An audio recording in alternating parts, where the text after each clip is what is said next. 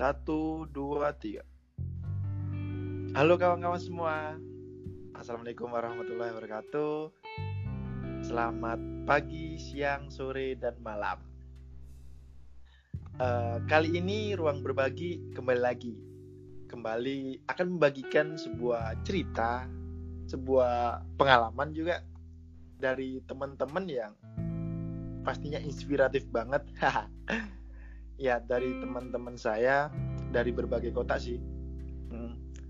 Kita akan membicarakan sesuatu hal yang menarik dan mungkin ini sangat perlu gitu kita lakukan dan perlu kita uh, pikirkan gitu di tengah wabah yang memporak-porandakan dunia. Memporak-porandakan dunia. Ya seperti yang kita tahu lah uh, seluruh dunia sekarang mungkin terfokus pada wabah ini gitu ya seperti yang di podcastnya kemarin kita lakukan dengan Kak Arin dan Kak Eka masih tentang virus corona. Ya, virus lebih tepatnya COVID-19 ya, COVID-19. Akan tapi uh, kalau kemarin kita membicarakan tentang apa sih uh, virus corona itu dan perjalanan Kak Arin dan Kak Eka untuk menghindari serta meloloskan diri dari Cina dan pada akhirnya meet up kembali di Indonesia.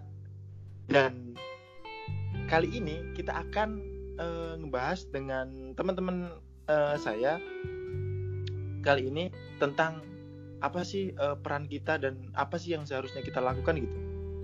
Khususnya teman-teman di Indonesia ya mungkin yang teman-teman yang mendengar podcast kali ini. Jadi tolong simak karena ini mungkin uh, apa ya cukup menjadi perhatian dan bermanfaat buat kita yang sekarang lagi uh, ke apa di karantina dan mengisolasi diri di rumah masing-masing. Jadi uh, ini teman-teman saya yang pertama, halo Kak Aurel. Halo. Halo. Perkenalkan halo. diri dong. Oke, nama aku Gisela Aurel Ardining, aku dari Surabaya uh, sedang bersekolah di Cina tapi sekarang lagi ada di Indonesia karena fungsi dari COVID-19 dan ternyata ketemu lagi di Indonesia COVID-19-nya guys. Oke. Okay.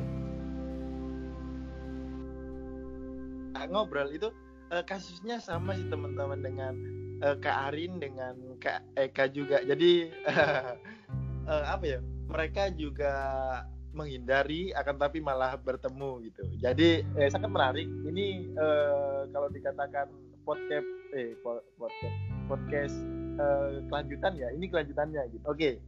Kak Aurel itu dari Surabaya ya teman-teman. Dan selanjutnya ada Kak Nada. Kak Nada halo. Halo, aku Sabdatuni Sahyar. Teman-teman bisa manggil aku dengan Nada. Sekarang aku berada di Kendari, tepatnya di Provinsi Sulawesi Tenggara dan ya posisi kita itu sama sedang mengungsi dari Cina yang di mana kita itu berharap tidak bertemu dengan COVID-19 dan toh pada akhirnya kita juga bertemu di kota kita sendiri. Terima kasih. ya, semoga Kak Nada kuat ya. Jangan patah semangat Kak Nada. Oh ya, eh, panggilannya Kak Nada bukan bisa memanggil uh, dengan nada ya tapi panggilannya kak nada bukan gimana sih macam bukan bisa memanggil dengan nada nada nada nada nada lagu tapi panggilannya kak nada gitu ya. Dan selanjutnya iya benar. ada yang selanjutnya ada kak Eka Dava. Dipanggil siapa nih? Kak Dava kali ya? Halo kak Dava. Halo halo halo halo halo uh, sebelumnya perkenalkan diri dulu. Nama aku, uh, nama lengkap aku Eka Dava Sadewa. Kalian bisa panggil aku Dava atau bisa panggil aku Dewa. Dan aku saat ini tinggal di Batam. Dan aku sama kayak Aurel, sama kayak Nada, dan sama kayak Wagi juga sebenarnya. Tapi prosesnya di sini aku sama Aurel, sama Nada dari Cina dan stay di Indonesia. Dan lagi stay di Indonesia. Oke, uh, jadi uh, okay. itu tadi ada Kak Aurel, ada Kak Nada dan Kak Dava. Kak Aurel dari Surabaya, Kak Nada dari Kendari, dan Kak Dava dari Batam. Jadi uh, kita akan berbincang-bincang, kita akan ngobrol apa sih uh, peran kita, terus gimana sih uh, cara yang paling diperlukan untuk saat ini. Gitu. Nah, jadi uh, podcast ini akan membicarakan hal itu. Jadi dengan kondisi sekarang yang ada di Surabaya, Batam dengan Kendari, kita akan berbincang beberapa kali. Uh, Oke, okay. mungkin langsung aja ya uh, kita ngobrol-ngobrolnya. Tapi uh, ngobrol kita santai aja, mengalir. Jadi ya santai aja ya, seperti ngobrol-ngobrol gitu. Oke, okay. uh, yang pertama mungkin ke Kak Aurel nih. Uh, Kak Aurel, uh, menurut Kak Aurel nih, sebelum kita ngebahas tentang peran kita, terus gimana sih cara uh, cara kita uh, mengingatkan orang-orang, mungkin uh, gini sih, kondisi di Surabaya sendiri, Kak Aurel, gimana sih? Tolong sampaikan. Uh, aku sejak himbauan dari pemerintah nggak boleh keluar, aku benar-benar nggak keluar, jadi aku cuma bisa nyeritain kondisi di gang rumahku aja ya. Jadi ya. di gang rumahku itu di gang rumahku itu kayak kayak nggak ada covid 19 gitu loh. Kayak masih ngelakuin hal-hal biasanya gitu. Jadi masih banyak anak-anak yang masih main terus itu orang-orang tua lansia itu masih pada ngerumpi. Terus masih hujan-hujanan kayak gitu. Jadi kayak mereka nggak ngelakuin ini nggak ngelakuin social distancing gitu guys. Nggak ngelakuin physical distancing sih sekarang disebutnya. Gitu. Jadi kayak jadi pengen ngeriain dari rumah woi ada covid 19 nggak ngerasa apa jadi jadi kayak ya udahlah biarin. Harusnya sih kalau misalnya aku ngeliat ngeliat anak-anak kecil gitu ya yang lagi main di rumah tuh eh di luar rumah tuh kayak mikirnya itu kenapa orang tuanya nggak ngasih eh, nggak uh, ngasih nggak ngasih tahu ke anak-anaknya kalau misalnya ada pemerintah ada ada himbauan dari pemerintah kalau misal ada social distancing gitu loh malah ngebiarin anak-anaknya tuh pada main semua. Kenapa nggak ngerjain PR kayak mungkin PR-nya udah selesai tapi ya uh, gimana caranya biar anak-anaknya tuh tetap stay di rumah gitu? Ini aja sekarang mereka masih masalah bola depan rumah tuh. Nah, nah uh, yang aku uh, dengar-dengar juga di kampungku juga itu masih keadaannya gitu sih. Mungkin nih uh, pengaruh apa ya? Karena nggak tahu uh, kalau Surabaya kan uh, mungkin nggak ada agak kota. Kalau di daerahku jadi kan daerahku agak agak desa. Jadi uh, pertama karena belum tahu secara anu fisik nih. Artinya tahu secara tatap mata terus kelihatan dengan mata sendiri. Jadi banyak orang me mengentengkan betul nggak sih Iya benar banget. Kayak nah, gampang gitu. Oke, itu di Surabaya. Uh. Oh ya, uh, perlu di uh, mungkin yang aku lanjutin tadi emang memang gitu sih. Lebih baik uh, uh, yang yang kita omongin ini jadi uh, menurut apa yang kita lihat dan rasakan ya teman-teman uh, bukannya apa, uh, tapi untuk melihat dan meminimalisir hoax yang ada gitu kan ya seperti yang kita tahu lah ya nggak semua media uh, di Indonesia benar hoax tapi untuk menghindari itu. Jadi apa yang kita omongin di sini itu berdasarkan apa yang kita rasakan dan apa yang kita tahu gitu ya teman-teman. Oke. Iya, selanjutnya benar. ke Kak Nada nih. Halo Kak Nada, kalau di Kendari sendiri gimana nih keadaannya? Halo, halo teman-teman. Uh, kalau berdasarkan ceritaku di sini ya, Kendari itu kota yang nggak begitu besar, kota yang nggak begitu seramai di daerah Jawa sana. Jadi di sini itu sebenarnya tindakan dari pemerintah itu sendiri sebenarnya udah ada karena di hari pas beberapa orang, tiga orang di Sulawesi Tenggara itu sudah positif, dinyatakan positif, sudah dinyatakan langsung sama Jokowi, Pak Jokowi.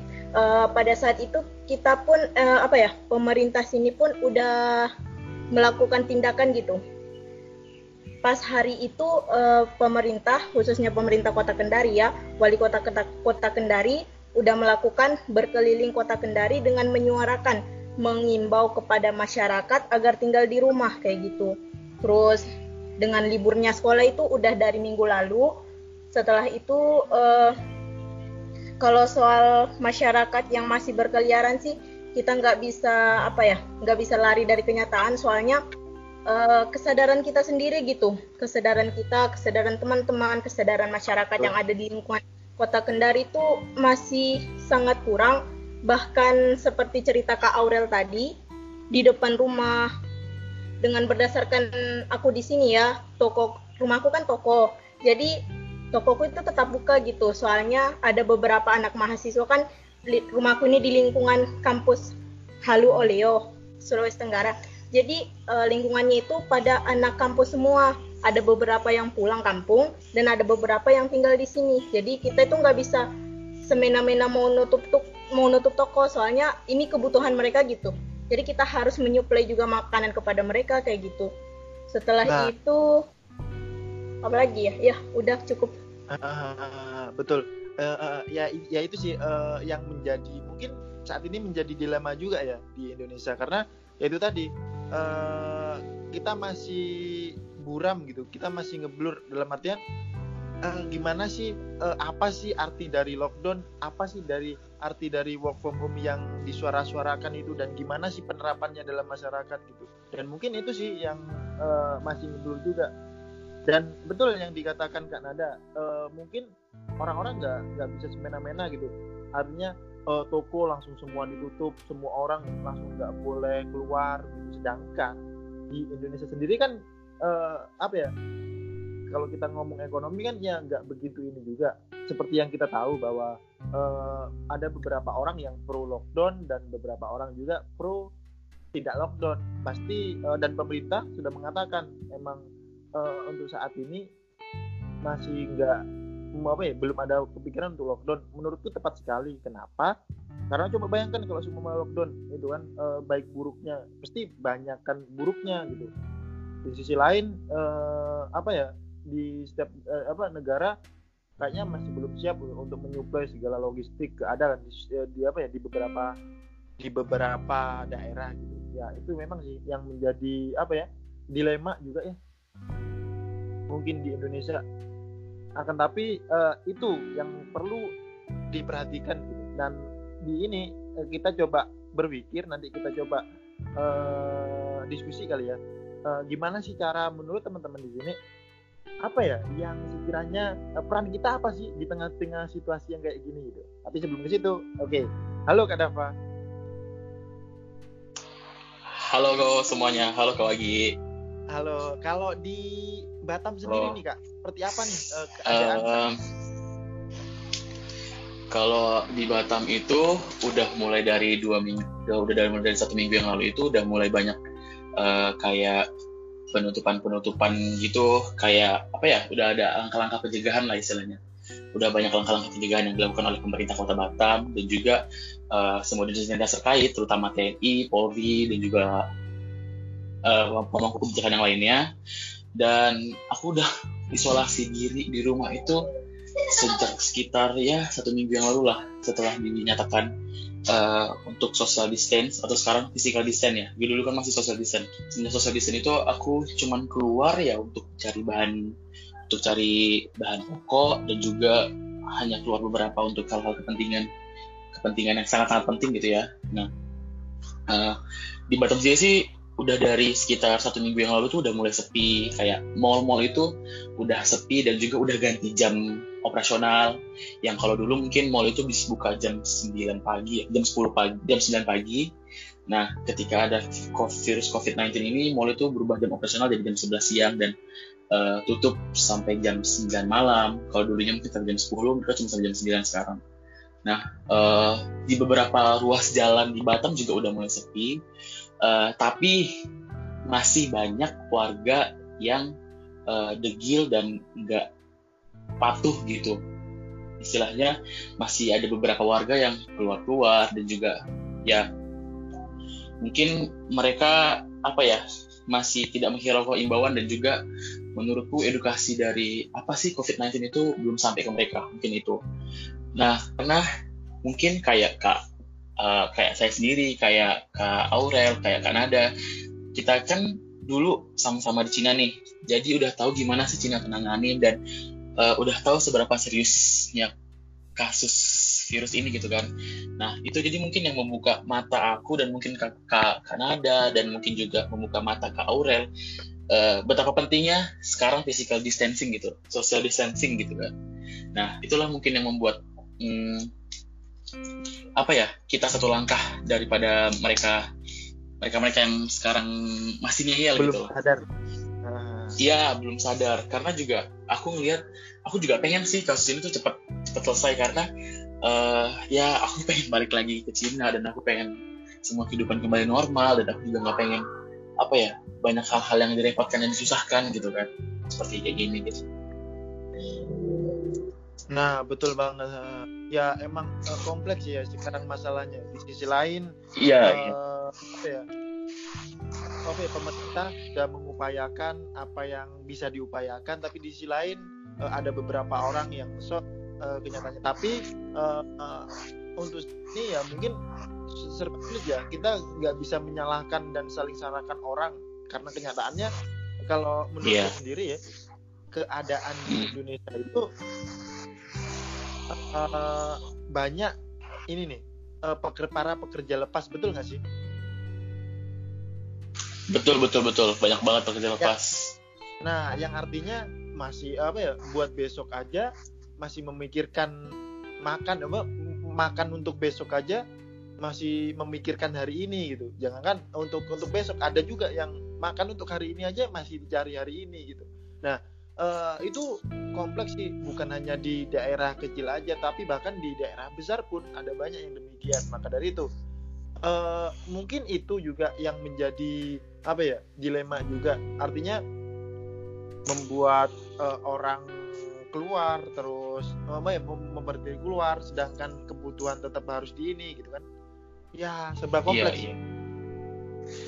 kalau eh, Mhm. seperti yang Kak Dava katakan tadi nih tentang apa namanya eh, mungkin kita mungkin eh, Kak Kak Aurel Kak Nada Kak Dava satu satu langkah lebih ke depan eh, melihat kondisi ini emang wah ini eh, sangat buruk sekali kalau semua nggak nggak gera eh, nggak segera orang-orang sadar gitu kan.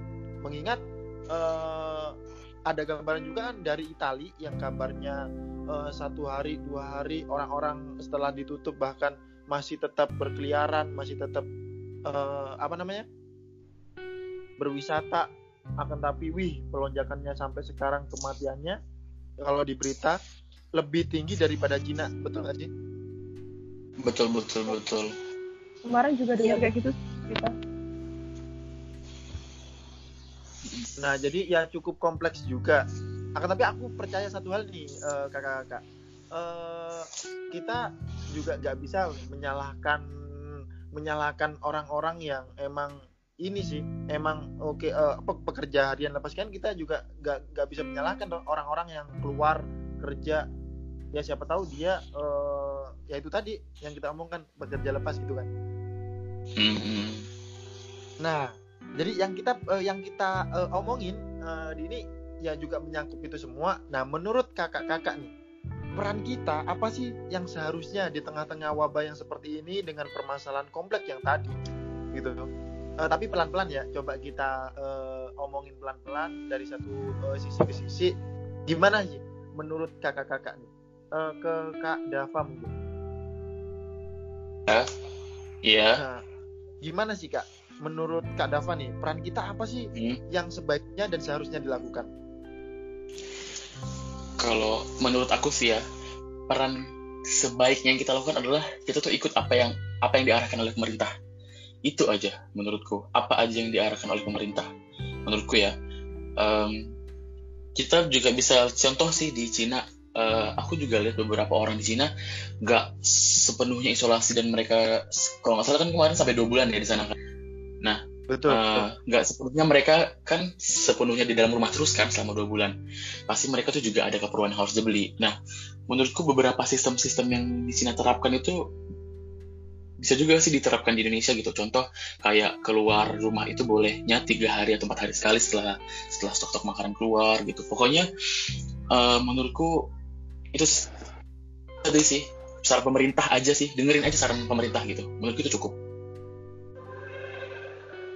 Eh, nah eh, kalau kalau menurut kak kak, kak Dava sendiri eh, dengan sistem kayak gitu memungkinkan nggak dilakukan diterapkan di Indonesia dengan keadaan masyarakatnya seperti ini? Dan gimana kak menurut kak Dava eh, prosesnya gitu?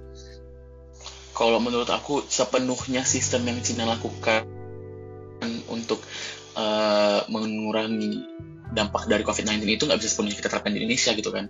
Nah, Ah, contoh betul. Cina kan udah ngelakuin lockdown, sedangkan di Indonesia kan tidak.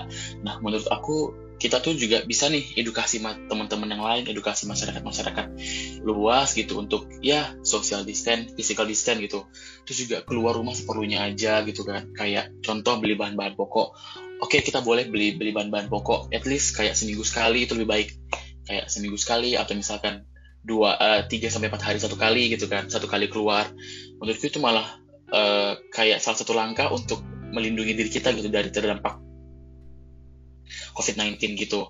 Nah em, aku juga pengen apa ya ngasih saran aja buat teman-teman yang dengerin. Coba deh eh, apa ya mulai detik ini mulai saat ini teman-teman dengerin ayo dong sadar gitu. Karena eh, eh, apa ya kayak aku yang udah ngerasain gimana nya covid seberapa seberapa se eh, seberapa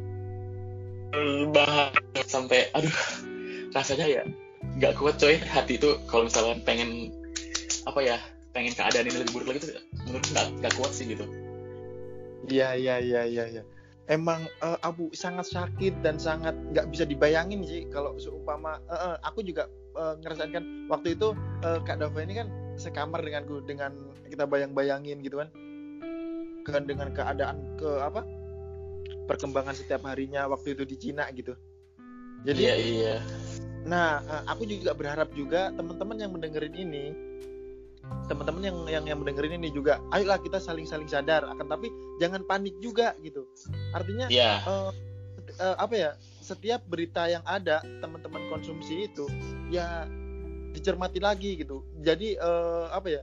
Netizen yang cerdas. Jadi mengonsumsi berita itu emang baik akan tapi ya itu lagi jangan langsung semua dimasukin ke otak dan ke hati langsung dilakukan tapi lebih ke dimasukin ke otak dicerna lagi gitu jadi eh, karena gini teman-teman eh, menurut menurutku juga wabah paling berbahaya itu selain dari virus corona ini adalah kepanikan gitu kalau seumpama banget orang-orang panik dalam seketika orang seluruh Indonesia panik udah hancur semua jadi yang paling penting dari dari itu semua adalah jangan panik gitu ya emang eh, itu sih kalau menurut eh, oke banget selanjutnya lagi Heeh.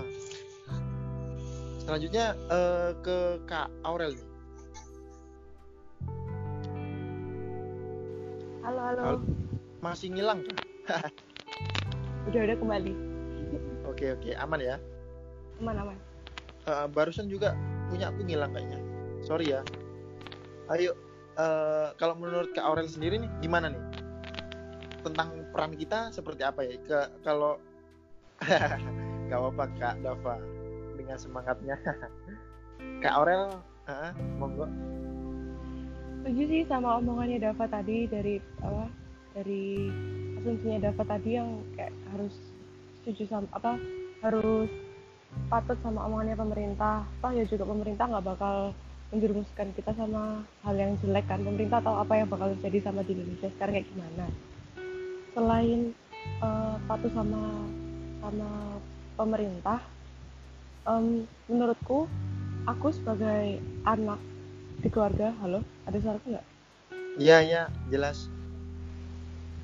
Peranku sebagai anak di keluarga ya selain em, ngikutin himbauan dari pemerintah di rumah, itu juga ngingetin eh, orang tua yang pulang dari kerja. Pasti kalau dari dari luar rumah kan nggak tahu itu virus, nggak tahu itu bakteri atau kuman yang nempel di baju dan semua yang nempel-nempel di pakaiannya orang tua kita kan kita nggak tahu. Jadi eh, contoh sederhana sih kemarin selama ini setiap hari kayak misalnya kalau papa pulang dari kerja itu langsung kayak langsung masuk kamar mandi masuk kamar mandi langsung suruh mandi langsung bersih bersih baju pakai eh, cuci pakai cuci tangan terus bajunya dicuci langsung kayak gitu.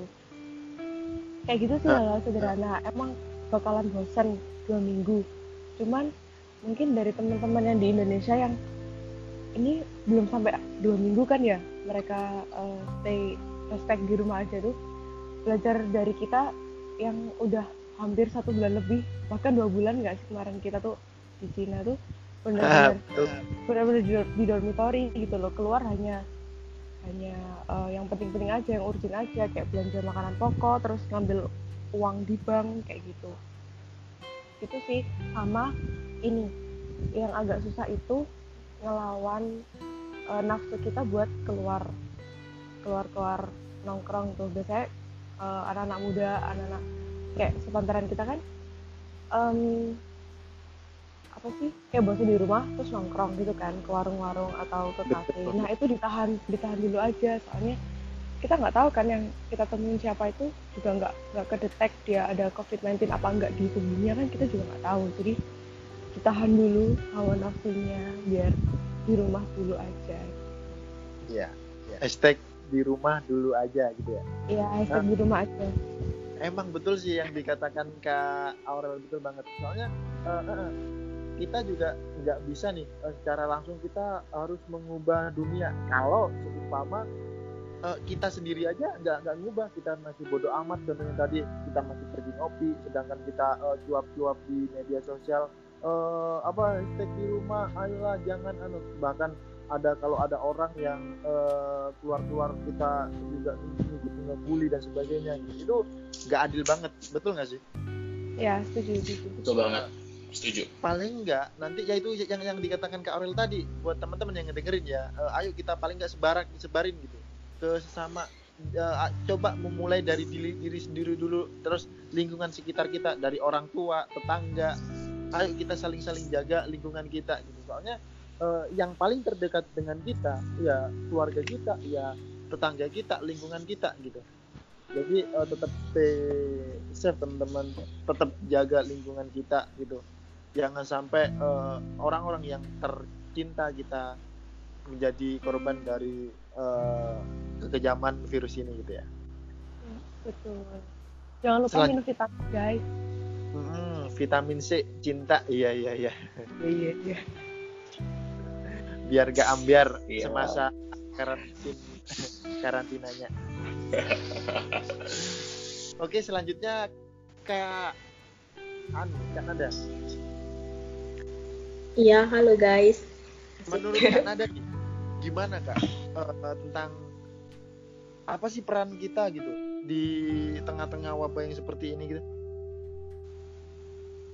Ya, menurut aku sih pasti dan pasti masyarakat itu mau tidak mau kan kita hidup di dalam sebuah negara yang di dalamnya itu notabene kita nggak bisa lari dari aturan. Aturannya juga kita udah percayakan apa kepercayaan kita kepada satu pemerintah ya udah gimana lagi kita harus patuh sama pemerintah. Dalam aturan agama pun kita ya sama ulil amri gitu gitu kan. Kalau dalam agama Islam kayak gitu. Nah terus uh, menurut aku ya kita sebagai orang yang teredukasi adalah orang yang sudah belajar sudah menduduki bangku sekolah selama eh, sorry ya guys. Sorry sorry uh, ada sponsor nih kan? Sponsor Azan guys. Uh, uh, jadi kita sebagai pelajar ya uh, orang yang apa sudah duduk di bangku sekolah, sudah diajar, sudah mengetahui lah apa-apa yang harus kita lakukan. Jadi kita itu sebagai perantara jangan hanya mendengar, kita itu iya kita paham pemerintah, kita harus patuh pemerintah, tapi bukan berarti kita cuma patuh sebagai ekor doang. Tapi kalau jika kita bisa saling membantu ya kenapa tidak? Indonesia itu adalah sebuah negara yang berkembang, tidak seperti negara Betul. yang lain, tidak seperti Cina yang kita udah dari Cina kan kita udah melihat teknologinya yang begitu maju, masyarakatnya yang saling membahu membahu untuk apa untuk mencapai apa yang mereka mau kayak gitu. Sebenarnya Betul. sesuatu Indonesia itu kita kehilangan masyarakat yang saling support gitu. Kita itu enggak apa ya, ada salah satu yang jelek malah dijatuhkan. Ya sebenarnya kita nggak butuh kayak gitu. Soalnya gimana kita mau meraih sesuatu yang kita inginkan kalau kita apa ya sedikit-sedikit menjatuhkan gitu. Menurut aku situ gitu sih dengan jadi perantara antara pemerintah dan keluarga kita. Terus kita itu harus sadar diri. Kan kita adalah orang kan mungkin kalau orang tua kita kan nggak begitu seperti Umi dan ayahku ya. Nggak begitu tahu dengan handphone gitu. Jadi mereka itu hanya nonton berita jadi informasinya mereka itu terbatas limited gitu. Jadi hanya jadi beri, dari berita. Jadi aku itu sebagai perantara kalau Pak aku tadi tuh dapat informasi gini gini gini. Terus ayahku juga lumayan mendengar gitu. Umiku juga patuh sama ayah ya gitu. Betul betul banget sih ya. Ya paling yang paling penting saat ini adalah kita bagaimana cara kita menjadi perantara eh, kita ke orang-orang yang mungkin belum mengerti yang dikatakan ke ke Kak Nada tadi, mungkin ke orang tua kita, terus ke tetangga kita. Itu yang paling penting ya teman-teman. Uh, terus nanti uh, menyinggung tentang Kak Nada kan tadi bilang uh, kita uh, oh, masyarakat Indonesia itu kehilangan suatu hal yaitu tentang bau membau bahkan sedang rame kan di Instagram terus di Twitter dan sebagainya bahkan di YouTube pun kadang-kadang orang uh, apa caci mencaci itu caci caci ya, mencaci itu sudah jadi caci makanan caci maki sih? Nah, caci maki itu sudah menjadi ya, makanan sehari-hari kita.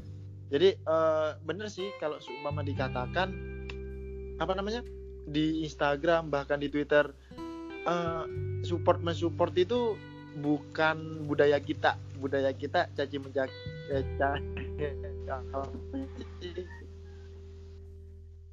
mencaci. Akan tetapi harapanku juga. Oke. Okay, kita COVID-19 ini harapanku juga uh, semua orang tersadar gitu.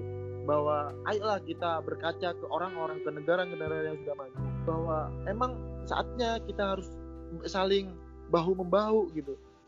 Bahwa udahlah uh, budaya kita yang uh, menjadi sudah makanan setiap hari-hari itu mencaci maki itu kita hilangkan gitu. Ayo kita sadar gitu bareng-bareng bahwa negara kita ini bukan dibangun oleh pemerintahnya saja akan tapi oleh semuanya oleh masyarakatnya oleh pemerintahnya gitu. Jadi harapanku dengan adanya virus ini uh, bukan hanya dari sisi buruknya aja orang-orang mandang akan tapi orang-orang dapat berpikir gitu bahwa ada baik ada sisi baiknya yang harus kita kuatkan untuk di masa depan gitu. Ya semoga aja sih teman-teman yang mendengar ini ayo kita bareng-bareng membangun gitu. Ayo kita bareng-bareng saling bahu membahu untuk membangun negara kita sendiri untuk melawan COVID-19. Yeay. Yap, Nada, yap, setuju, setuju, setuju. Nada 2020 WKWK. Yeah. Nah, uh, oh ya teman-teman, uh, tadi uh, ngelanjutin ke Kak Dava tadi ada satu tentang berita-berita uh, yang mungkin orang-orang uh, dengan santai ya, dengan tidak gak usah mikirnya tiba-tiba langsung melahap gitu. Tentang uh, denger nggak sih tentang isu yang saat ini rame mungkin di Twitter sama Instagram juga juga, juga tentang hanta virus. Iya iya. Oh dengar dengar dengar dengar dengar. Dengar dengar. Nah itu kita sebagai kaum teredukasi katakan Nada tadi harus juga menyuarakan teman-teman bahwa sebenarnya hantavirus itu tidak dan tidak apa ya seluruhnya benar yang diberitakan beredar itu bahwa oh, belum lagi uh, coronavirus sembuh muncul lagi dari Cina hantavirus. Ya itu apa ya sebuah berita hoax sih menurutku kalau menurut kakak-kakak sendiri gimana kak?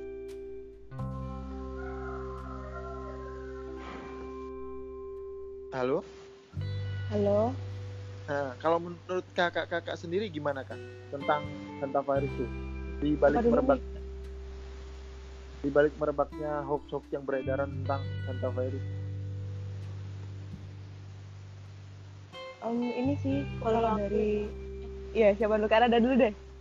Ha, silakan maaf Orel terus kalau menurut aku sih uh, gimana ya? Kalau soal apa ya? Masyarakat netizen Indonesia itu mereka itu sudah ada pendapat negatif tentang suatu tempat tempat uh, tentang suatu wilayah. Jadi apa pun yang sesuatu yang negatif pasti datangnya dari situ. Kayak gimana ya? Mereka itu mikirnya bukan bukan maunya bukan mauku bilang negatif terus sih tapi karena saling dukung mendukung untuk mencaci maki gitu. Saling dukung mendukung untuk menjatuhkan satu wilayah padahal faktanya itu berbeda gitu. Hantavirus itu sebenarnya yang datang dari Korea Selatan bukannya gitu ya betul. Uh, itu pun tahun 1800-an Iya, betul, betul, betul. Nah, seribu. 2000 1950 oh iya, 1950. Dan terakhir itu Iya. kalau aku baca berita yang itu resmi dari WHO kalau nggak salah itu eh, terakhir sebenarnya sudah di mana-mana termasuk di Indonesia sudah merebak akan tapi yang terakhir itu tahun 2013 di Argentina kalau nggak salah gitu kan ya 2013 atau 2017 ya aku juga nggak nggak begitu detail sih lihat tahunnya Hmm. itu ada Tapi ini aku baru dari baca. Iya, iya, aku baru baca. Baru baca, kalau nggak salah itu, ini ini aku baru baca eh, pada tahun 2019 transmisi virus an, sorry, eh, dia tuh dilaporkan lagi bahwa ternyata virus itu mun- muncul lagi di akhir-akhir tahun sebelum tahun 2020 ini gitu. Ah betul yang kabarnya muncul di Cina Yunan kalau nggak salah ya Iya, iya di Yunan. akan iya benar benar yang aku maksud eh, beritanya yang menyebar wah ya betul yang dikatakan kak Nanda tadi. Eh, yang muncul di masyarakat itu muncul atas kematiannya terus muncul kehebohannya kepanikannya itu tadi. Padahal kalau itu diusut eh, di laman eh, berita resmi tentang hantavirus ini hantavirus ini sebenarnya apa ya menyebar hanya dari hewan ke hewan. Dan ini bukan sebuah kasus uh, virus yang baru dan mematikan gitu dan sudah ada vaksinnya kalau nggak salah Iya, bukan penularannya bukan dari orang ke orang, tapi orang yang kena dari hewan pengerat itu bisa kena virusnya gitu. betul heeh. iya betul jadi kesimpulannya me- kalau teman-teman mendengar ini janganlah eh, apa ya mudah termakan oleh berita-berita yang kebanyakan clickbait lah terus beritanya yang nggak kredibel lah. Ayo teman-teman eh, mungkin apa ya sebagai kita sebagai kaum yang teredukasi kaum apa namanya yang pernah duduk di bangku belajar paling enggak kita harus sadar gitu. Dan kalau kita sudah sadar ayo kita mengingatkan ya itu tadi lingkungan sekitar kita. Jangan sampai eh, orang-orang yang apa ya eh, mudah terprovokasi itu dengan mudahnya langsung merebak. Sedangkan kita tahu itu salah gitu. Jadi ayo kita saling mengingatkan. Hashtag perangi hoax iya iya. benar. Hashtag perhoak. Disaring lagi kalau ada dapat kabar-kabar jangan asal, asal sebar di grup WhatsApp atau grup apa pun. terus eh, saya baca selanjutnya berita asik. Bet- betul betul banget. Nah terus selanjutnya eh, ke kak Nada nih. Kak Nada di ya dari jadi eh, menurut informasi daerah Kanada pasti ada dong eh, apa penyebaran peta penyebaran terus data-data yang sudah ini di masing-masing daerah sudah ada ya? Iya masing-masing daerah sudah ada. Terus update eh, per hari ini gimana Kanada Alhamdulillah untuk Sulawesi Tenggara itu jumlahnya masih tiga orang sama seperti tiga hari yang lalu ya. Ya sama seperti tiga hari yang lalu pas diumumin sama Jokowi. Terus yang dua orangnya itu ditunggu ya aku lihat aku lihat datanya. Dua orangnya itu ada di Konawe, Konawe, Unaaha. Terus yang satu orangnya itu di Kendari. Dan yang satu orang ini berstatus apa ya Pri- pria ya iya pria terus dia itu pekerjaannya pedagang keliling oh ha, ha, ha. Heeh, terus yang tunggu ya aku lihat datanya. Lupa. Siap siap Kanada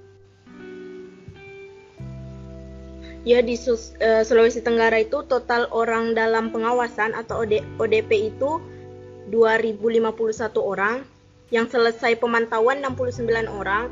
Yang dalam proses pemantauan ma- masih sekitar 1982 orang.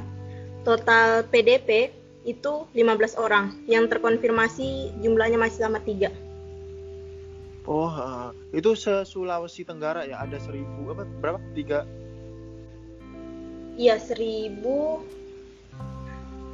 Tunggu. Uh, uh, uh, ya semoga aja. Ya itu uh, se Sulawesi Tenggara. uh, jadi perlu diingatkan Hmm. juga Ji, mungkin ada banyak orang yang miskomunikasi. Artinya uh, orang yang dianggap ODP itu orang yang ini jadi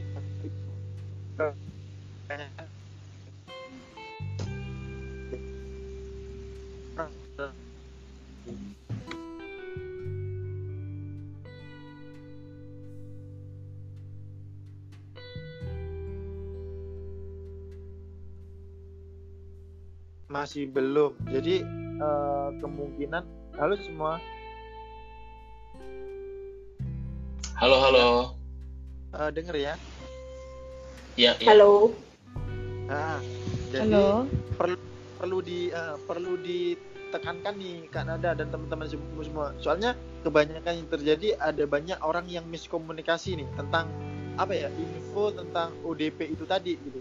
Banyak orang yang itu orang awam mungkin yang secara langsung nggak nggak nggak dipikir lagi ODP itu adalah orang yang eh, mau kena virus itu. Padahal ODP itu kan orang dalam pengawasan. Jadi masih eh, apa ya statusnya masih bisa aja nggak nggak nggak kena virus gitu. Bahkan orang yang pulang dari umroh aja kan statusnya ODP. Jadi orang yang dari luar kawasan itu statusnya ODP. Jadi jangan panik teman-teman eh, dengan ada merebak misal di Sulawesi Tenggara aja eh, apa namanya mencapai seribu yang ODP lantas eh, apa ya ya apa ya waspada boleh tapi panik itu jangan kayak seperti yang kita kata- katakan tadi panik itu adalah wabah yang paling ngeri gitu. oke jadi di Iya benar banget Kak Wagi. sekitar seribu orangan ya kan ada yang ODP Iya benar. ODP itu 1982 orang. Oke. Ya semoga cepat eh, terini dites dan sebagainya dan bisa eh, apa info ini juga bisa menjadikan eh, teman-teman serta warga Sulawesi Tenggara juga semakin waspada gitu ya akan hal isu virus ini. gitu. Terus selanjutnya eh, Kak Aurel nih di Surabaya Kak Aurel gimana Kak Aurel? Info update ya. Halo. Halo. Ini kalau dari Surabaya, aku sambil lihat websitenya dari pemerintah Surabaya ya. Siap siap siap. Ini datanya diupdate setiap setiap jam 6 sore. Data terakhir yang ada di website ini sih di Surabaya sendiri total keseluruhan ODP-nya ada 182 terus PDP-nya ada 8 terus yang konfirmasi ini ada 31 31 orang. Jadi kalau yang di daerahku kan aku Surabaya Surabaya Selatan. Di kecamatanku sih yang ODP ada dua orang. Jadi ya kemarin sebelumnya sih ada tiga orang terus sekarang udah berkurang jadi dua orang kayak gitu. Heeh. jadi eh, apa namanya 192 itu dari 182 satu- berapa? 182 Oh sorry 182 itu dari Su- eh, daerah Surabaya aja ya kak. iya Surabaya Heeh. Terus perkembangannya yang yang terkonfirmasi itu eh, apa namanya sudah dalam penanganan ya? Iya pastinya karena dari pemerintah Surabaya sendiri em, apa, udah kayak ngelakuin cara pencegahan nih. Kalian pernah dengar nggak sih di berita-berita tuh yang eh, wali kota Surabaya Bu Risma itu bikin apa sih kayak yang Dis- disinfektan chamber. ya desinfektan yang kayak masuk ke lemari gitu terus habis itu disemprot kayak gitu tuh Ah, iya di Surabaya oh su- tahu Surabaya apa Jawa Timur ya? Aku kurang kurang pasti sih ini. Em, mereka ada ini titik-titik ada peta gitu. Terus di petanya ini ada titik eh, dikasih tahu kayak oh daerah ini ada des- ada apa? Ada yang alat yang dari Bu Risma itu. Terus habis itu di titik sebelah sini ada hand sanitizer. Dan sebelah sini ada titik buat cuci tangannya. Jadi kayak buat teman-teman yang mungkin uh, lagi di luar kerja atau kayak gimana bisa ikut menggunakan fasilitas itu sih buat mencegah Ah, COVID jadi ini.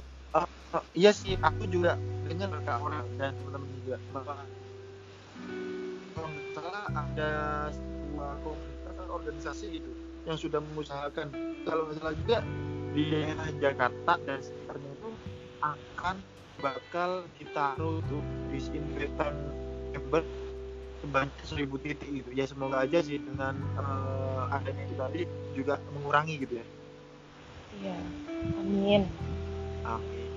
Terus uh, selanjutnya kalau di Tam sendiri gimana kak uh, info update-nya sekarang?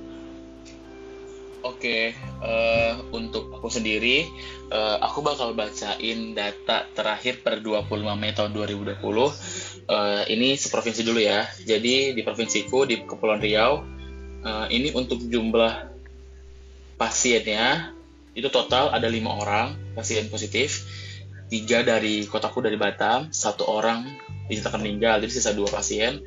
Satu orang dari Karimun dan satu orang lagi dari Tanjung Pinang. Dan untuk ODP di Provinsi Kepulauan Riau itu agak cukup tinggi sih. Itu di angka 881 dan PDP itu di angka 65 orang itu sekepulauan Riau. Untuk di kotaku sendiri di kota Batam untuk PDP itu ada 35 orang dan ODP ada cukup lumayan banyak eh, 453 orang. Mengingat eh, Batam itu salah satu tempat istilahnya gerbin- gerbang pintu utama Indonesia gitu kan. Buat teman-teman yang dari luar negeri juga masuk ke Indonesia gampangnya lewat Batam gitu kan. Jadi angka ini agak tinggi sih menurutku. Tapi eh, berhubung mulai dari satu minggu yang lalu itu Singapura dan Malaysia udah mengurangi Mal- Malaysia udah lockdown dan Singapura itu udah mengurangi kunjungan ke luar negeri. Jadi menurutku jumlah orang-orang yang masuk ke Indonesia melalui Batam udah sedikit berkurang.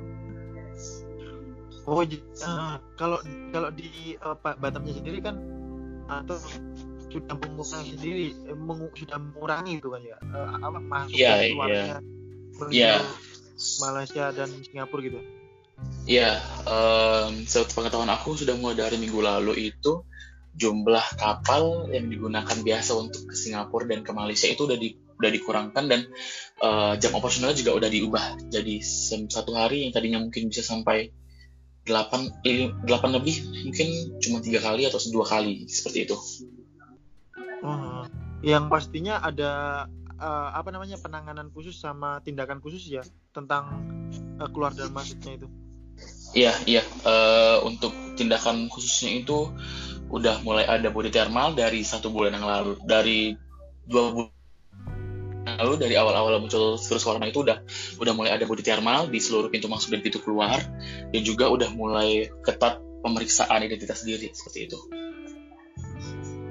Siap-siap. Ah, oh, berarti di setiap eh, masing-masing daerah ya syukur sih eh, sudah ada penanganan-penanganan khusus yang mulai dari di Kendari karena di Kendari Ya. tadi terus Aurel di Surabaya tadi dengan Kadafa yang mungkin itu tadi eh, pasti dong eh, memiliki penanganan khususnya yang seperti dikatakan Kak Kadafa tadi bahwa Batam sendiri adalah pintu utama gitu keluar masuknya dari luar negeri Iya, cuma juga dekat dengan Singapura juga kan gitu.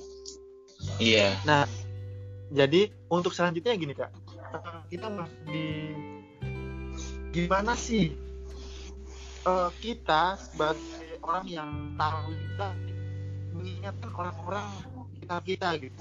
Jadi eh, di balik pemerintah sudah apa sudah gencar-gencarnya eh, mengingatkan ada yang katakan kak ada tadi dia keliling eh, pasti apa pem- apa pem- pem- pemerintahannya sudah berkeliling mengabarkan ke orang-orang gitu. Nah, sekarang kalau menurut kak kakak-kakak sendiri, kita selain dari peran kita yang kita omongkan tadi, gimana sih cara dari kakak mengingatkan orang-orang di sekitar kakak? Untuk ayo ini berbahaya gitu. ini eh, sangat banget kakak untuk mengingat orang-orang sekitar. Kita gimana sih gitu? Kalau boleh tahu dan berbagi nih eh, buat teman-teman yang mendengar gitu.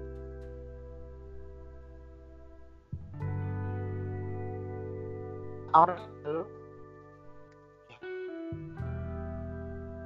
Halo, halo. Tadi Ya, ya. putus-putus. mas. Eh, ya emang eh, jaringan sih biasanya kemarin juga. Gitu tapi nggak apa-apa. Iya, tadi yang aku omongkan jelas ya Enggak, enggak putus-putus tadi. oke Eh, kak apa halo putus-putus ya Iya, kak iya halo, iya halo, iya halo. Mas- masih putus-putus kak Sorry, enggak enggak enggak. oke oke kak Nadia Halo. aman ya Ya aman-aman. Ah, jadi gini.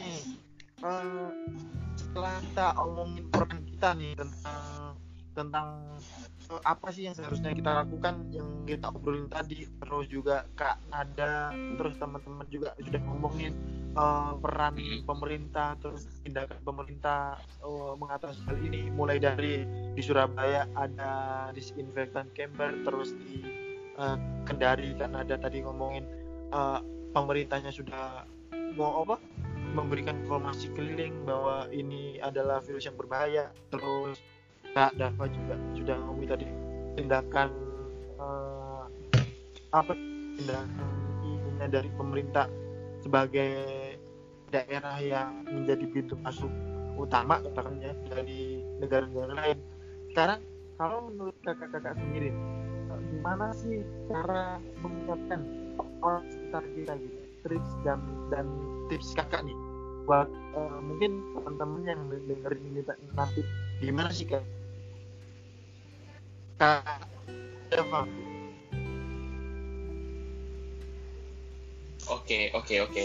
Eh, kalau menurut aku, eh, yang pertama itu tipsnya dari aku. Pertama, kita tetap jaga kebersihan diri, tetap jaga kebersihan lingkungan kita, kebersihan rumah, sering cuci tangan, terus juga makan makanan yang bergizi, jangan lupa minum vitamin C, dan juga menurutku ikuti apa yang dilakukan pemerintah, apa yang dikatakan pemerintah, seperti itu. Dan juga hmm, tipsnya lagi untuk mengingatkan sekitar, yang pertama itu biasanya aku udah mulai aku dari minggu lalu udah mulai eh, mengurangi aku keluar dan juga udah mulai menolak ajakan teman-teman untuk keluar dan Nah. pasti nah, dengan aku menolak kan pasti, pasti kan kok kenapa sih gitu kok kok selebay itu dan menurutku eh, aku nggak lebay dan aku adalah warga negara yang baik yang menjalankan apa yang dikatakan pemerintah seperti itu nah Betul. menurutku dengan cara kita tidak keluar itu kan pasti membuat orang yang yang masih sering keluar dan masih sering lewat-lewat pasti akan bertanya kan ketika satu hari kita akan keluar gitu. Contoh seperti kemarin aku keluar untuk ber- ber- berbelanja, ada beberapa tetangga yang kok jarang keluar, kenapa sih? Nah di situlah mulai aku eh, sedikit mengedukasi mereka. Aku bilang bahwa ya aku mengurangi keluar rumah, juga aku melakukan physical distance, dis- distancing dan juga eh, pasti mereka bakal lebih kepo gitu kan. Jadi aku sedikit banyaknya aku jelasin kepada mereka kenapa dan kenapa seperti itu. Betul betul banget Eh, jadi eh, mungkin teman-teman juga ah, ini nih perlu didengarkan dan perlu dilakukan juga buat teman-teman yang mendengarkan gitu kalau mau Iya. teman-teman eh, apa ya nggak perlu keluar dan nggak ada keperlu kepentingan keluar lebih baik yang di eh, di fisik fisik Physical Distancing. iya.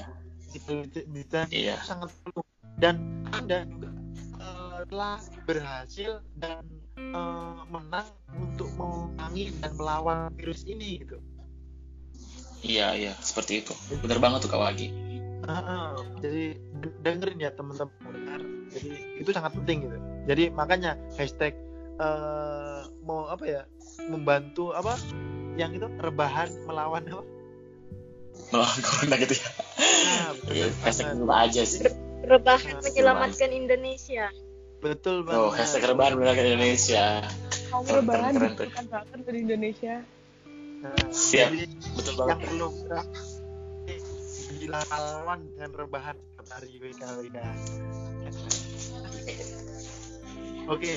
Eh, sekarang kalau menurut Kak Nanda nih sekarang, kalau menurut Kak Nanda apa ya yang bisa kita lakukan Kak? Dan bagaimana cara kita mengingatkan orang-orang?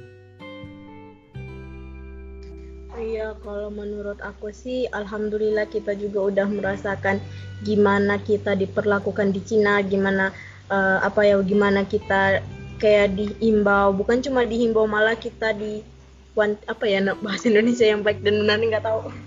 Dipaksa gitu untuk menjaga kesehatan, untuk apalagi ada gejala dikit aja, dikit-dikit udah panikan, itu bedanya dengan kita mereka itu orangnya sangat peduli gitu orang Cina itu sangat peduli beda sama kita. Kita ada gejala sedikit ya dianggap biasa. Ada gejala gini ya gitu-gitu aja. Besoknya bisa sembuh kok gitu. Karena ada penangkal mungkin di Indonesia terlalu banyak baca-bacanya deh. Gimana gitu. Nah, terus uh, kalau cara aku sih sebagai itu ya sebagai masyarakat Indonesia yang hidup dalam aturan ya kita memang patuh pemerintah tapi uh, gini kita itu sebagai perantara ke orang tua kita ke lingkungan kita dan kita itu harus memulai dari diri kita sendiri. Gimana kita bisa men-show kepada mereka yang sekitar kita buat mereka bertanya gitu Nada kok kamu gini, kan Nada kok kamu bisa gini-gini, emang kenapa ada apa? gitu. Buat mereka kepo yang seperti Kak Dava bilang barusan, bahwa sesuatu yang kepo bakalan sesuatu yang kepo kita terus mengedukasi mereka. Dan kita itu memberikan salah satu beberapa fakta yang buruk bukan berarti sangat-sangat buruk tapi untuk membuka mata mereka gitu bahwa ini tuh sesuatu yang serius ini tuh bukan sesuatu yang main-main soalnya pemerintah aja udah udah menyuarakan bahwa kita itu harus tinggal di rumah kita harus menjaga kebersihan kita kita harus care lah pada diri kita kita ndak boleh apa ya hmm, karena kita nggak pedulian terus orang-orang lain juga kita ajak nggak pedulian setidaknya menyadarkan diri kita sendiri dulu terus ke lingkungan lain gitu aja sih ah lagi uh, oh ya teman-teman yang mendengar ya uh, sedikit informasi bahwa Kak Nada ini pernah juga diisolasi loh. Tidak maksudnya diisolasi ya benar-benar diisolasi sih. Dibedakan dari orang-orang lain waktu di Cina dan mungkin bisa dibagi kak uh, Kanada pengalaman waktu itu waktu bisa isolasi uh, kenapa dan mengapa Kanada bisa sampai di isolasi itu buat teman-teman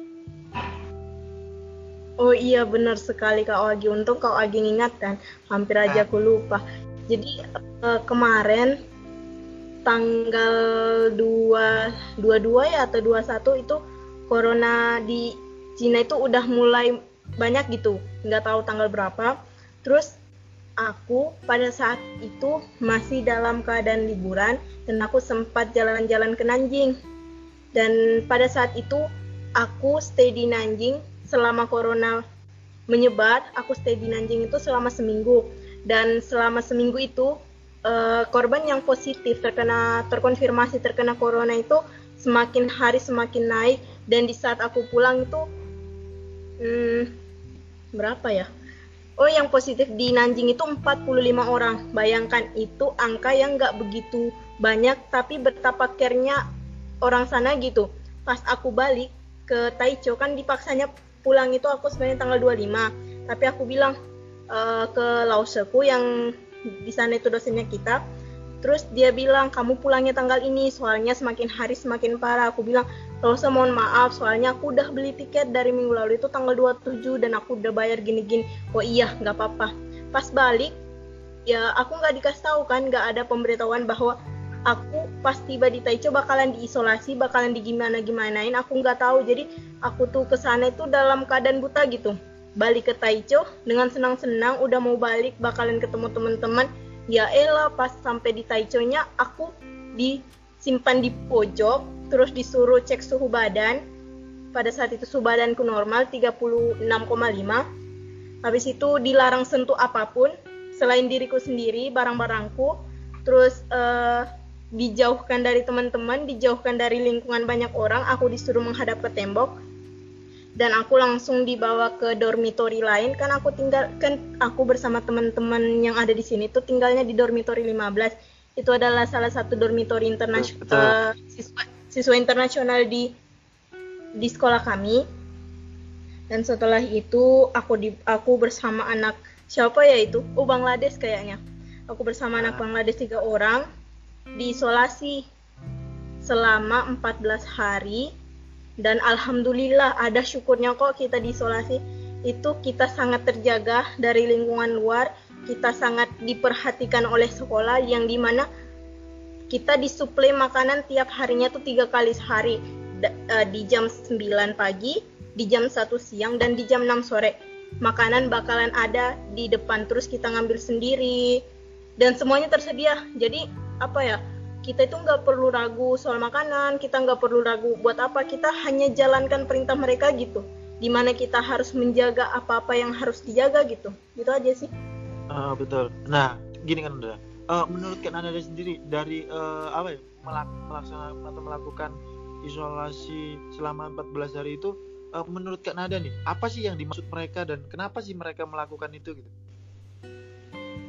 Ya itu sebagai pelajaran bagi eh, gimana ya pelajaran bagi kita yang sudah bepergian dan menunjukkan kepada orang orang eh, beberapa orang yang sudah bepergian di tempat yang ada te- yang terdapat riwayat eh, terkena konfirmasi virus itu bakalan di is- isolasi guna untuk melihat apakah ini orang positif atau tidak. Soalnya eh, kita kan nggak tahu virusnya itu kan sangat cepat menyebar kan sep- seperti yang kita Betul. ketahui selama ini. Eh, ketika ada yang positif bersin terus tangannya dipegangkan ke gang- genggaman pintu kita pegang dan kita ngusap mata hidung mulut itu kan bakalan kena juga. Jadi Ah, guna 14 hari itu kita diisolasi agar dilihat apakah anak ini positif terkena atau gimana. Kalau enggak ya bakalan dibalikin lagi kayak gitu betul betul. cukup Ah, mengeduka- nah, mengedukasi kok itunya Nah, betul banget. Jadi eh, mungkin salah satu eh, penanganan yang kenapa juga di Cina cepat. Jadi emang eh, apa ya? pem- eh, mulai dari pemerintah sama warganya, masyarakatnya itu kooperatif banget gitu, saling memahami lah dan bareng-bareng memerangi hal ini. Iya. Bukan bukan lagi saling mencaci sana sini. iya benar mempersiapkan hal ini juga gitu. Dan terbukti juga kan bahwa kalau iya seumpama benar dibanding dan kalau seumpama dibandingkan dengan Itali seperti yang kita tahu Itali eh, awal-awalnya itu apa namanya santai-santai terus masih mengentengkan tapi kenyataannya Iya. per hari aja itu apa ya eh, korbannya lebih tinggi daripada di Cina itu sendiri. Makanya ini pelajaran buat kita semua. Bukan hanya eh, kita nih yang pernah melakukan tapi juga ke orang-orang yang lain nih. Bahwa ayo kita saling-saling care dan peduli akan hal ini. Hal ini berbahaya gitu loh. Dan ayo kita bareng-bareng memerangi. Bukan kita menggantungkan diri kepada pemerintah dan sebagainya gitu. Tapi ayo kita lakukan apa yang kita bisa. Kalau seumpama kita terpaksa keluar dan ini karena kita status kita pekerja harian dan sebagainya paling enggak teman-teman care lah. Eh, ikuti petunjuk dan anjuran yang telah ditetapkan oleh pemerintah. Gitu ya kan ada iya benar-benar sekali. Kita harus kooperatif untuk mendapatkan apa yang kita mau. Pemerintah mau ya pasti kita juga mau. Karena tiap-tiap orangnya nggak ada yang mau yang negatif kan pasti nggak ada gitu betul betul banget. Dan sepakat nggak kalau sebenarnya eh, orang-orang yang ada di pemerintah itu orang-orang yang pintar-pintar gitu? Dan sangat sepakat dong. Eh, eh, makanya ayolah kita eh, nggak nggak semuanya kok apa yang di eh, apa ya apa yang diciptakan dan apa yang dihasilkan pemerintah itu buruk-buruk yang seperti kita lihat itu enggak kok. Pasti aku yakin setiap keputusan dan eh, kebijakan yang ada pasti diperhitungkan dengan macam-macam. Meskipun ada beberapa hal yang emang eh, kalau kita belajar dari pengalaman dan zaman ya mungkin ada buruknya akan tapi untuk kali ini ayo kita coba teman-teman percaya lagi kepada pemerintah kita dan bareng-bareng Iya, masyarakat pemerintah kita memerangi bersama-sama virus ini gitu. Dan selanjutnya eh, ke Kak Aurel. Halo Kak Aurel. Halo. Kalau menurut Kak Aurel sendiri dengan perkembangan di Surabaya yang seperti itu yang seperti tadi diceritakan Iya. Eh, menurut menurut Kak Aurel gimana sih Kak cara mengingatkan orang cara eh, mengedukasi orang? Menurut Kak Aurel di tengah-tengah wabah yang seperti ini di Surabaya? Kalau menurutku ini sih em, ngasih tahu ke orang-orang yang dengan mudahnya nyebarin hoax tuh kayak eh, kita tegur atau kita PC atau gimana waktu nyebarin hoax tuh kayak eh coba diperiksa lagi dong hoaxnya bener apa enggak? Di di apa dipastiin lagi bener atau enggaknya? Terus em, sama ngingetin sama, sama sesama sih kayak jaga kebersihan. Terus ini nih yang penting eh, sharing ya. Waktu sebelum sebelum apa disuruh di rumah aja sama pemerintah itu kan aku udah kayak tahu kalau di Indonesia ya ada covid nih. Jadi langsung kayak kayak panik terus nggak panik sih kayak was was banget gitu toh. Terus abis itu aku belanja ke ke pasar buat kepentingan rumah buat beberapa hari ke depan. Itu tuh banyak orang yang belum tahu eh, tata kerama buat bersin. Jadi kayak mereka bersin sama batuk itu kayak nggak ditutupin gitu loh. Jadi aku yang waktu itu emang lagi nggak enak badan langsung langsung insecure sama diri sendiri loh. Ini orangnya batuk karena nggak enak badan atau batuk karena covid ya? Langsung kayak bingung sendiri itu. Jadi ngingetin ini sih teman-teman kayak eh, cara batuk yang baik dan benar kayak gimana gitu. Terus em, tips. Kalau tips dari aku selain ngurangin hoax ini nih kalau di Instagram kan lagi rame kayak bikin challenge challenge kayak workout di rumah gitu olahraga di rumah. Nah itu kita bisa ngelakuin kayak gitu. Terus habis itu main TikTok sama keluarga di rumah terus em, nonton Netflix atau ngikutin berita COVID. Ngikutin berita nggak apa-apa tapi asal jangan panik banget. Karena kalau misalnya panik itu bisa eh, nurunin im- imun tubuh kita jadi kayak langsung overthinking terus kepikiran terus jatuh sakit itu nggak banget sih menurutku gitu Ah, betul banget. Soalnya ya itu tadi kan, ke- kan status apa? Ketika panik, eh, apa ya daya tahan tubuh kita itu kayak ter- berpacu gitu, Ber- terpacu kayak wah benar kah benar kah antara otak dengan hati dengan otot ya itu Iya. kayak nggak seimbang. Iya, Jadi teman-teman waspada boleh, panik jangan. Mm-mm. Noleh mantan Jangan- boleh, balikan jangan. Iya iya. iya jangan terlalu santuy yang jelas Betul. kayak gitu. Betul. tetap waspada teman-teman. Uh, jadi itu ya, ya selain dari uh, cara mengingat tadi, uh, ya betul banget sih yang dikatakan Kak Aurel. Bagaimana cara kita mem- membuat wahana. Jadi uh, oke uh, kita boleh mengingatkan, sangat penting mengingatkan, tapi juga orang-orang di sekeliling kita harus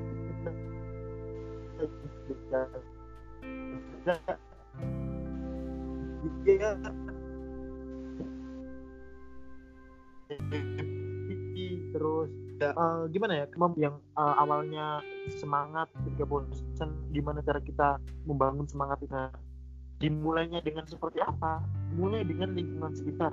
Mulai dari keluarga eh, tetangga terus teman-teman kita yang ada di media sosial atau ayo kita bareng sama-sama mengedukasi. Gitu ya Kak. iya iya iya setuju. Heeh, jadi uh, di, teman-teman apa ya? Semoga hal ini cepat lalu apa ya? Nggak nggak ya, hal ini nggak akan cep, nggak akan cepat berlalu ketika kita cuma hanya diam dan uh, bodoh amat dengan hal ini gitu. Ayo kita uh, adain gerakan-gerakan yang artinya ayo kita saling mengedukasi sama kita mengingat. Ya pokoknya semangat lah teman-teman. Semangat berbagi manfaat buat sesama itu yang pastinya tetap waspada tapi jangan panik eh panik banget. Oke? Eh, Oke. ah, mungkin ada yang mau disampaikan lagi nih kak? Soal ini. Apa ya? Ah, mungkin gini aja deh. Eh, jadi ah, oh, apa ya? Yang dikatakan Kak Aurel, Kak Dava, Kak Nada itu coba teman-teman eh, pikirkan lagi buat yang teman-teman dengar ya. Coba pikirkan lagi apa yang sekiranya penting ayo kita lakukan bersama-sama, apa yang sekiranya sangat eh, merugikan buat banyak orang ayo kita jauhi bersama, ayo kita lawan bersama. Dan mungkin ini yang terakhir ya Kak. Eh, closing statement nih Kak bagi buat Kak Nada, Kak Dava dan Kak Aurel nih. Dimulai dari Kak Aurel dulu ya. Oke, kalau Oke. dari aku tahan dulu hawa nafsunya buat nongkrong di luar. Keluar boleh, tapi buat kepentingan di rumah. Contohnya kayak belanja buat masakan di rumah atau eh, kebutuhan dan keperluan di rumah lah, kayak gitu. Ditahan dulu buat nongkrong-nongkrong di luar. Kita putus mata rantainya buat nggak semakin banyak yang kena corona gitu dari aku kayak gitu Oke, terima kasih Kak Aurel. Terus selanjutnya Kak Nada, Kak. Halo Kak Nada. Iya, halo. Ah, closing statement nih Kak Eh, dari Kak Nada tentang apa ya semua ini. Kalau da- dari Kak Nada sendiri gimana? Closing statement Kak.